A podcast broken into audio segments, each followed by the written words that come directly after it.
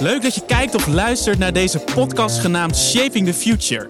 Een initiatief van de commissie Data Decision Engagement van de DDMA. Mijn naam is Job van den Berg, ik ben lid van deze commissie en ook werkzaam bij Bluefield Agency. En vandaag zijn we in het prachtige Zandvoort aan het strand met een zonnetje. Wat wil je nog meer? Een hele mooie locatie om te hebben over een belangrijk topic wat nu speelt in onze markt. Want we hebben het veel over topics die eigenlijk nu van belang zijn. Denk aan de cookieless future, denk aan Digital Services Act. Topics waar je nu iets moet doen als merk. Echter door de waan van de dag vergeten we wel eens om na te denken over uitdagingen die niet morgen, maar wellicht overmorgen belangrijk zullen zijn. En in de podcastreeks Shaping the Future willen we graag hebben over trends en uitdagingen die overmorgen eigenlijk belangrijk zullen worden. En waar je eigenlijk nu wel over moet gaan nadenken of dat topics zijn en onderwerpen en kansen zijn waar je als merk of bedrijf iets mee kan doen. En de allereerste trend die we vandaag gaan bespreken is de digitale verbondenheid die steeds groter en belangrijker wordt.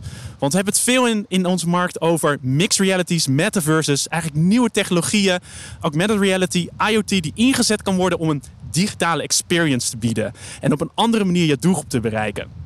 Metaverse gaan zelfs nog een stapje verder, waarbij we te maken hebben met eigenlijk een hele online digitale wereld. Wat heb je daar als merk aan om daar iets mee te doen?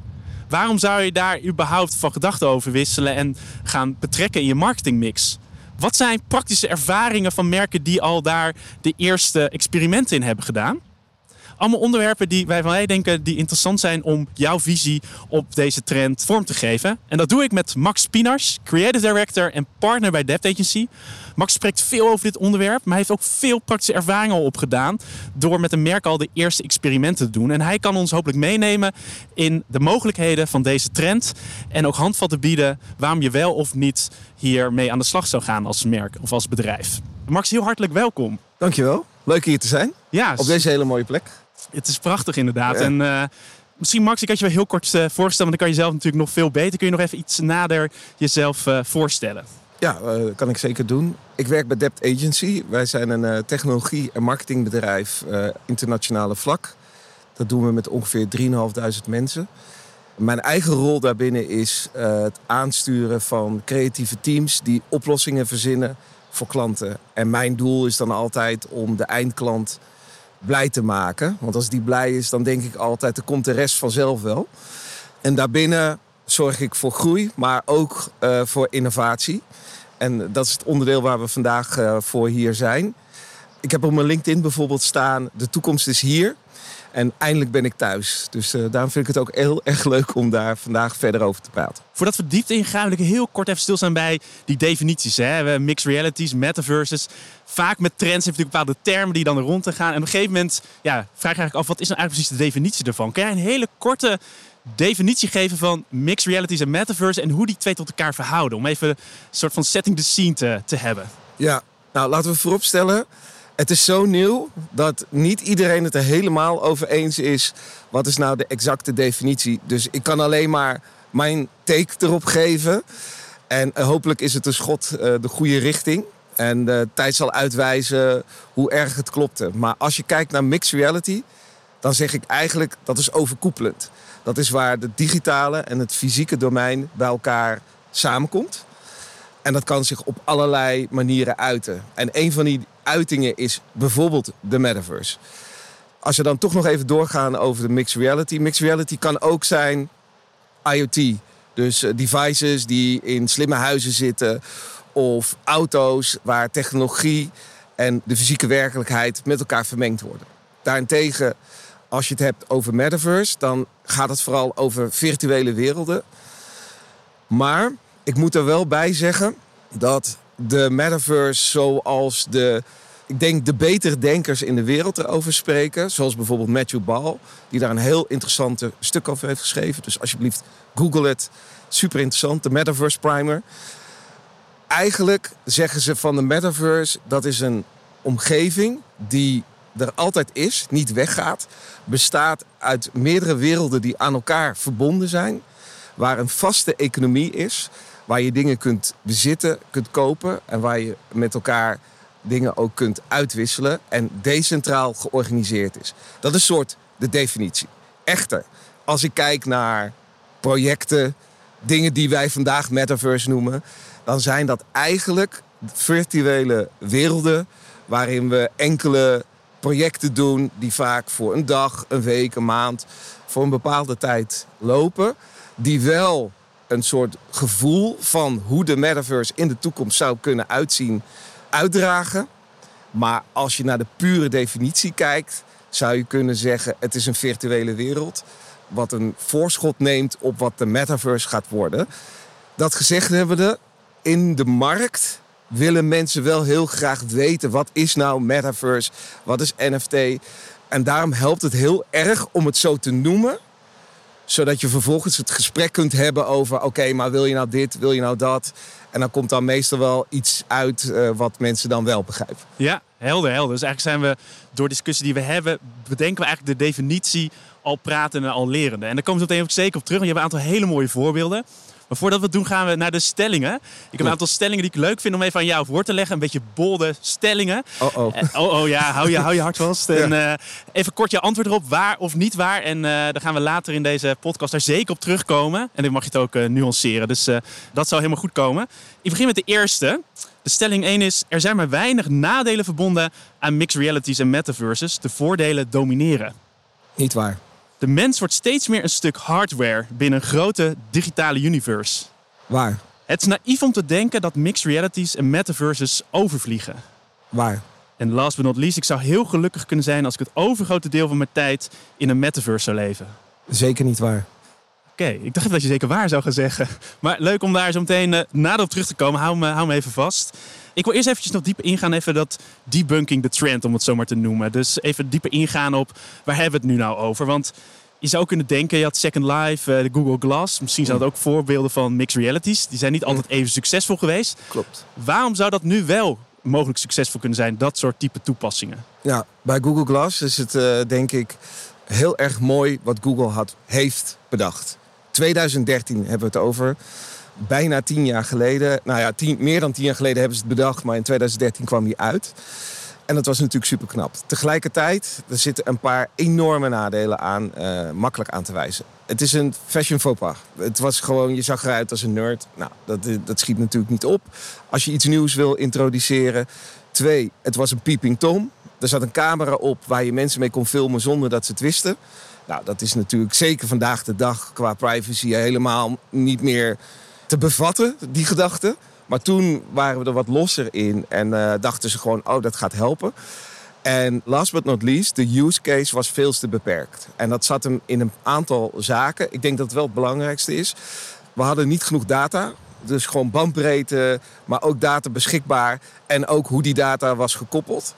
En dan dat gecombineerd met hoe het werd geprojecteerd in je oog in de filmpjes van Google zag het er allemaal prachtig uit. Maar als je hem op had gehad, dan weet je, het was echt uh, een kwart van een postzegel ongeveer van, aan, aan, informatie.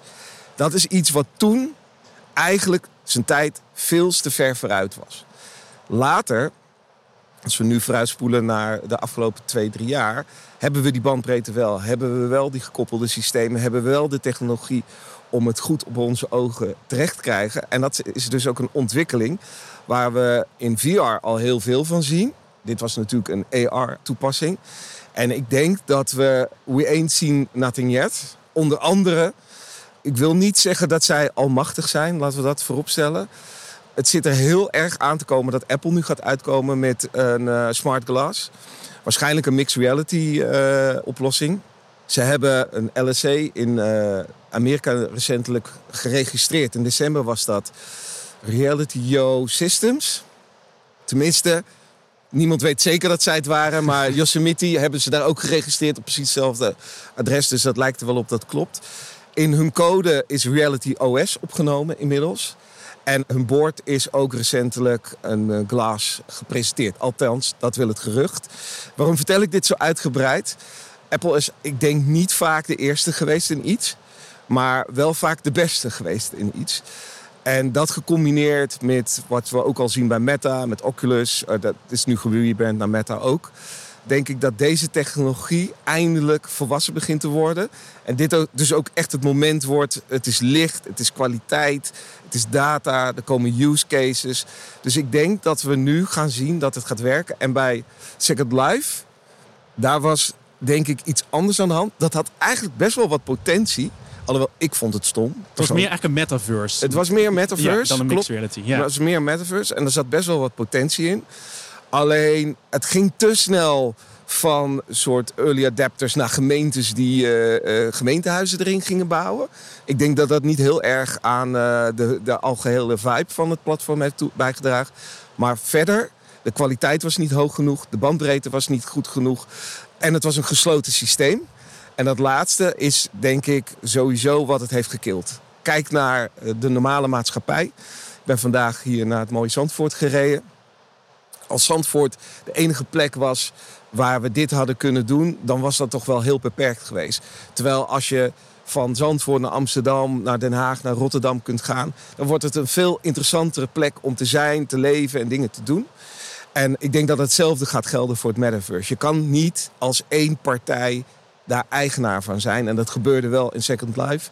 En ik denk dat dat de belangrijkste reden is waarom dat het niks is geworden. Ja, ja helder. Dus eigenlijk nu is ook meer de tijd, de tijd rijp, ook qua technologisch opzicht, om dit soort dingen gewoon beter aan te pakken. Maar ook wellicht dat we daar wat meer aan toe zijn. En zo meteen gaan we wat meer in op de use cases. Je hebt een mooie praktijkervaring. Maar voordat we doen, wil ik nog even één topic aanstippen. Want ik kan me zo voorstellen, in zo'n metaverse kun je misschien wellicht op twee manieren toepassen. Ik ben benieuwd of jij het ook zo ziet. Van eigenlijk als een soort van targetingmiddel. Dus naast dat je de print hebt uh, digitaal, kun je een metaverse of een mixed reality gebruiken om je doelgroep te bereiken en te bewegen.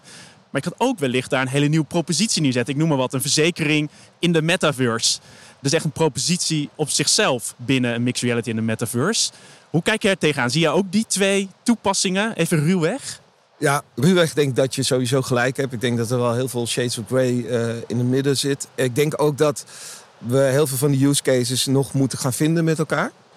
En wat voor mij heel erg interessant is, in ieder geval op dit moment, is dat in de eerste stap het in ieder geval, als je het zo uit, uh, vanuit een marketingperspectief uh, bekijkt, dat het heel erg kan helpen in de touchpoints bovenaan in de funnel om mensen zeg maar, van geïnteresseerd naar een believer te krijgen. Doordat ze iets in ieder geval virtueel kunnen vastpakken, bekijken, kunnen draaien, kunnen voelen. Dan wel virtueel. Waarvoor ze voorheen echt wel ergens naartoe voor moesten. En we zien namelijk ook een hele andere ontwikkeling. Dat er steeds minder winkels zijn, steeds minder flagship stores, dat alles consolideert. En mensen minder bereid zijn om naar drukke binnensteden te gaan.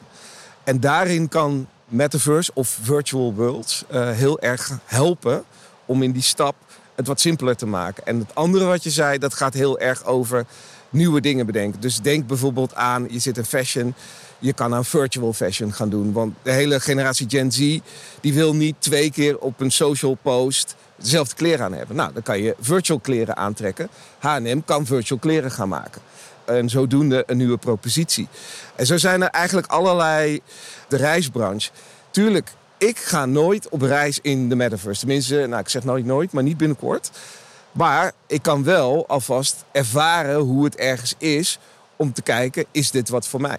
Nou, en zo kan je eigenlijk allerlei dingen bedenken waardoor het toch waarde toevoegt. Ja, misschien leuk om heel kort even naar de laatste stelling te gaan. Die ging over van uh, of je wel of niet je tijd meer zou willen besteden in de metaverse. Jij ja. verdiep je heel erg in het onderwerp. Ja. Je zei best wel duidelijk niet waar. Ja, nou, je, je zei we mogen het laten nuanceren. Dus ja. ik denk laat het even heel hard Nee, je krijgt nu de kans.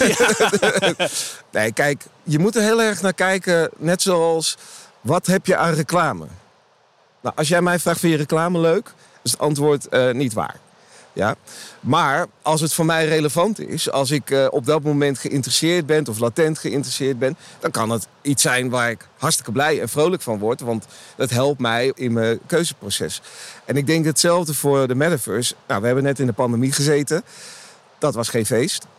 En we weten allemaal de Google Meets en de Zooms en de, en de teamcalls. Ik werd er op een gegeven moment best wel moe van. En ik heb een tijdje ook dit soort calls gedaan in VR. En alhoewel we nog. Het kan altijd beter, laten we dat voorop stellen. Maar opeens zie je iemand aan de andere kant van de tafel. Opeens zie je iemand zijn armen bewegen en zijn hoofd bewegen. In plaats van dat ik allemaal naar die platte dingen zit te kijken. Dan, dus dan op het moment dat het normaal niet kan, zeg ik: hé, hey, het voegt waarde ja. toe.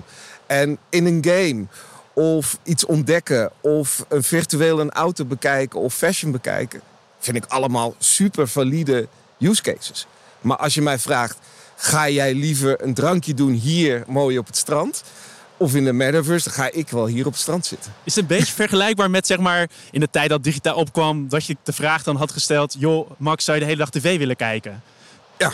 Eigenlijk is, is- misschien een beetje die analogie. Het is eh. een beetje die analogie en er zijn heel veel vergelijken. Nou, ik vind het een hele mooie. Ik had hem laatst gedaan er- ergens anders. Toen zei iemand, ja, handen omhoog. Wie, wil er in, eh, wie wordt er blij van de metaverse? Nou, bijna niemand steekt natuurlijk eh, eh, zijn hand op. En die begrijp ik heel erg goed. Maar toen zei ik van, hé, hey, ik was een van de eerste mobiele telefoongebruikers in Nederland. En toen zeiden ze echt letterlijk, iedereen zei, waarom zou je overal willen kunnen bellen? En toen zei ik, nou, zullen we nu handen omhoog doen wie er een mobiele telefoon bij zich heeft? Ja. Dus toen stak niemand zijn hand op, ja, behalve ik dan. En toen was een hele zaal die zijn hand had moeten opsteken, deden ze niet, want ze vonden het een flauwe vraag. Maar dat is eigenlijk ook waar we nu staan. En ik denk wat heel interessant is aan metaverse en de gedachte en, en mixed reality. Mixed reality gebeurt al heel veel. Metaverse is eigenlijk nog nieuwer. We staan gewoon aan het begin. En ik denk wat ik heel interessant vind. We staan echt, als je naar zo'n hype curve eh, kijkt. Alhoewel VR al langer bestaat. En eh, er zullen allerlei mensen nu zeggen. Ja, maar ik was er al eerder mee bezig.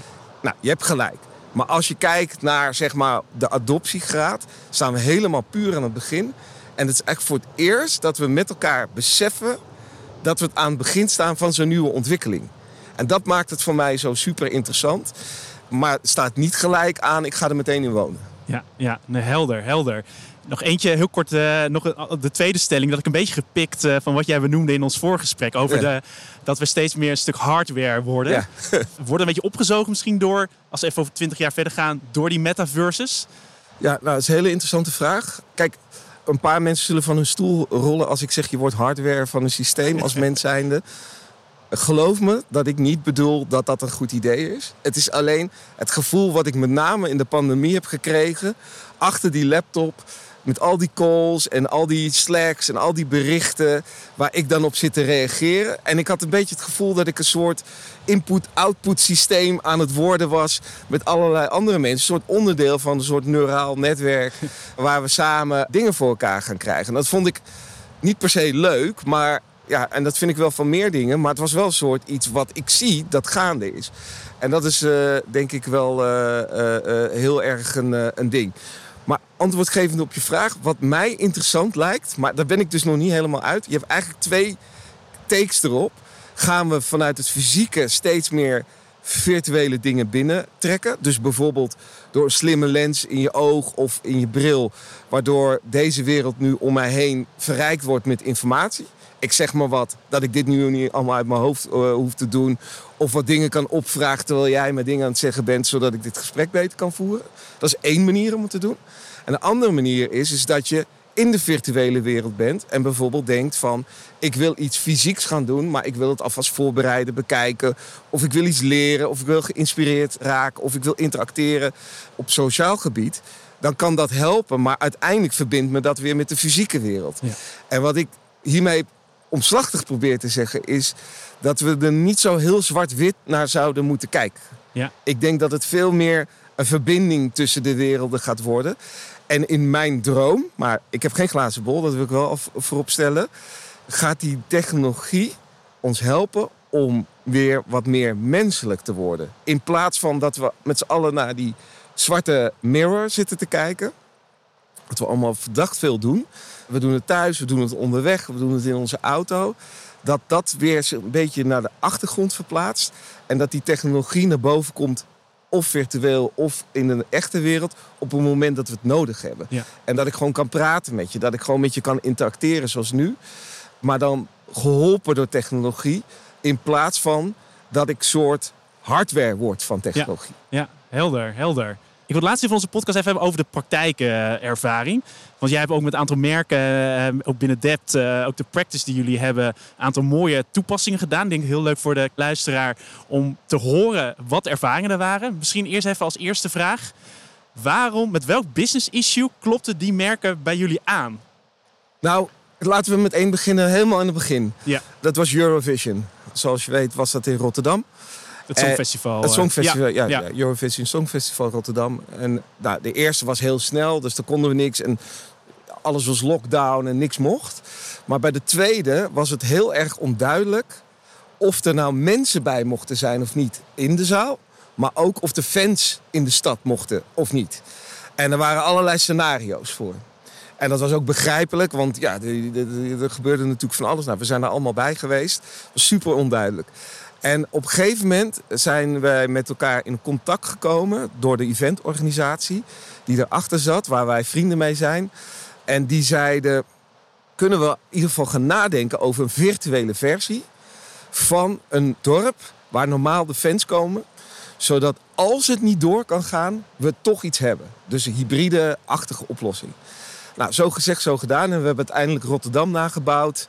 In een soort rare verhouding. Omdat, ja, als je in de binnenrotte hadden we het feest uh, geprogrammeerd. Met allemaal stands en sponsors en optredens in de virtuele wereld.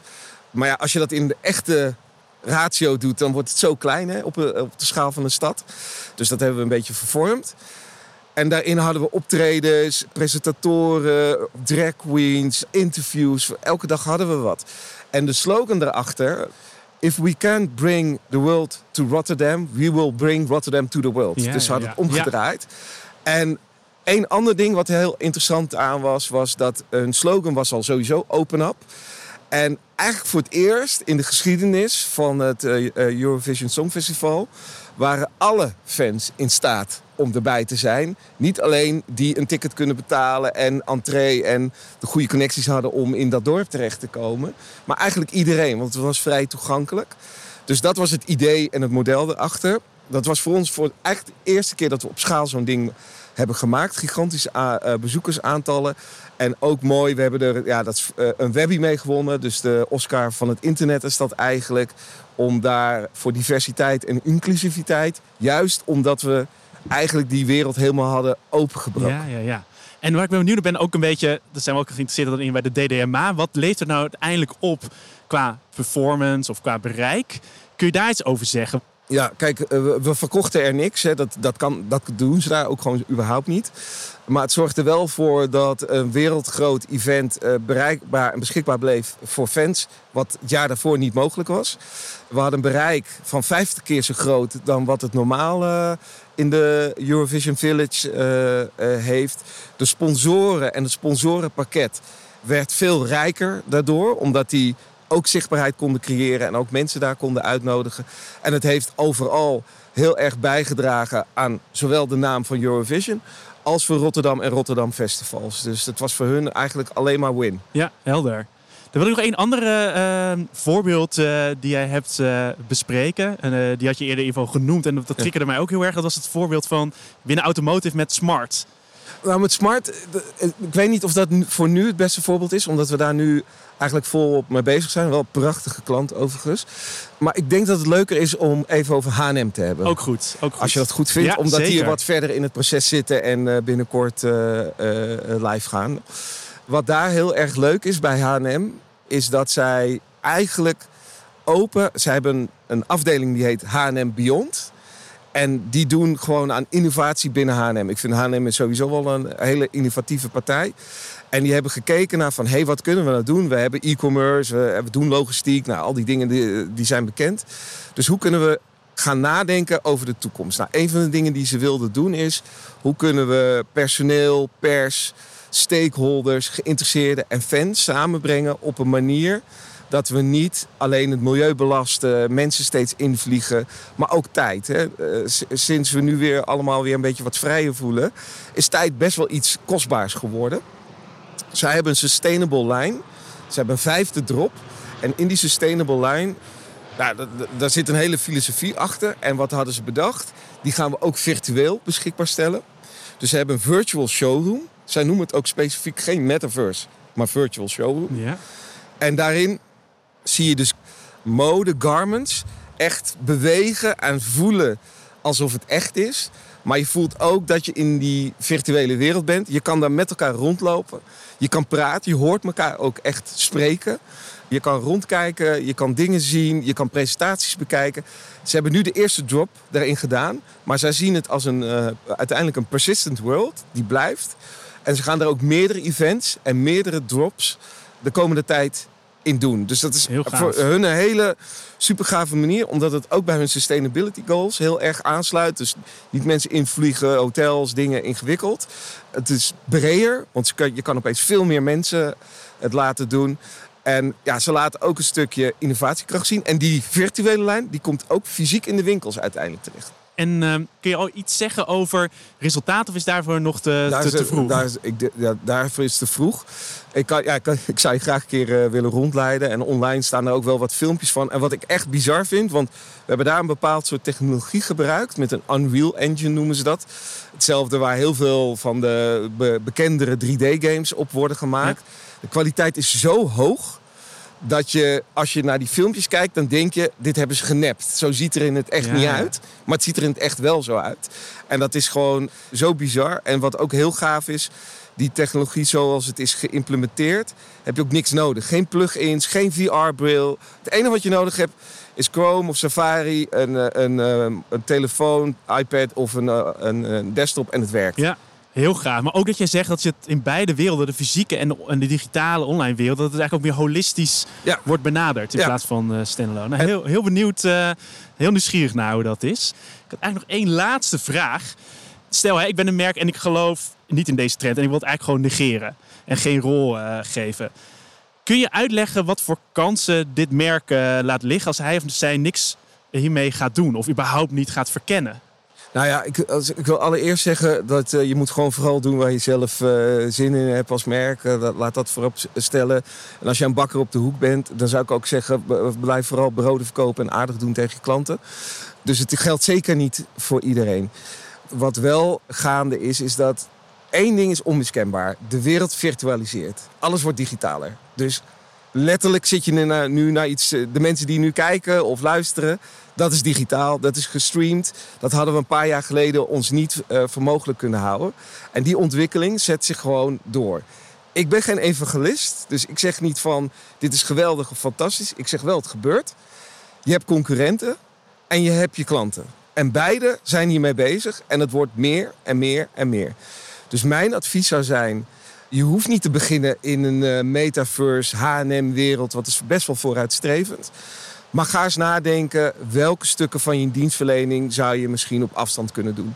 Welke onderdelen van je producten zou je kunnen virtualiseren, in 3D kunnen doen? Zowel voor inspiratie, voor informatie, voor leerdoeleinden, voor een extra touchpoint te creëren. Dat is eigenlijk heel low level, maar dat zijn allemaal dingen die je uiteindelijk nodig hebt als je later die wereld wel zou willen toetreden. En dat zijn dingen waar, die je bewezen vandaag al iets aan hebt. Dus dat maakt het misschien een wat minder grote stap. En dat zou ook mijn advies zijn. Je hoeft niet al in oh, eh, hals over kop erin te duiken, maar maak wel een stap. Want gewoon blijven vasthouden op platte plaatjes op een eh, e-commerce site waar verder niks gebeurt. Ik denk dat dat hem niet gaat worden. En ik denk ook dat je moet gaan nadenken, want ik heb het nu heel erg over het visuele aspect, maar ook die decentraliseren van je data, het zorgen dat je systemen kan koppelen met andere systemen, dat je open bent. Dat zijn ook allemaal stappen die nodig zijn uiteindelijk om mee te blijven gaan in die nieuwe economie en ontwikkeling. Ja, Want als jouw product en jouw dienst niet goed en lekker aansluit op die van anderen, ga je steeds meer op een eilandje komen. En dan ga je precies krijgen wat je eigenlijk niet wil. En ik zeg altijd maar, je wil echt niet op een dag eh, wakker worden en denken, waar is iedereen gebleven? mooie afsluiting, mooie afsluitende zin. Eh hey, dankjewel Max. Eh, mooi gesprek en dank voor het delen van jouw visie en ervaringen. Dan gaan we deze podcast afronden, wat mij betreft. Dank. Wij gaan nog even genieten van het zonnetje, denk ik, op het strand. Ja, gaan we zeker doen, een drankje nemen. Dank voor het eh, kijken en luisteren. En eh, dit was de eerste aflevering van de reeks Shaping the Future van eh, de DDMA, de commissie Data Decisions and Engagement. Fijne dag.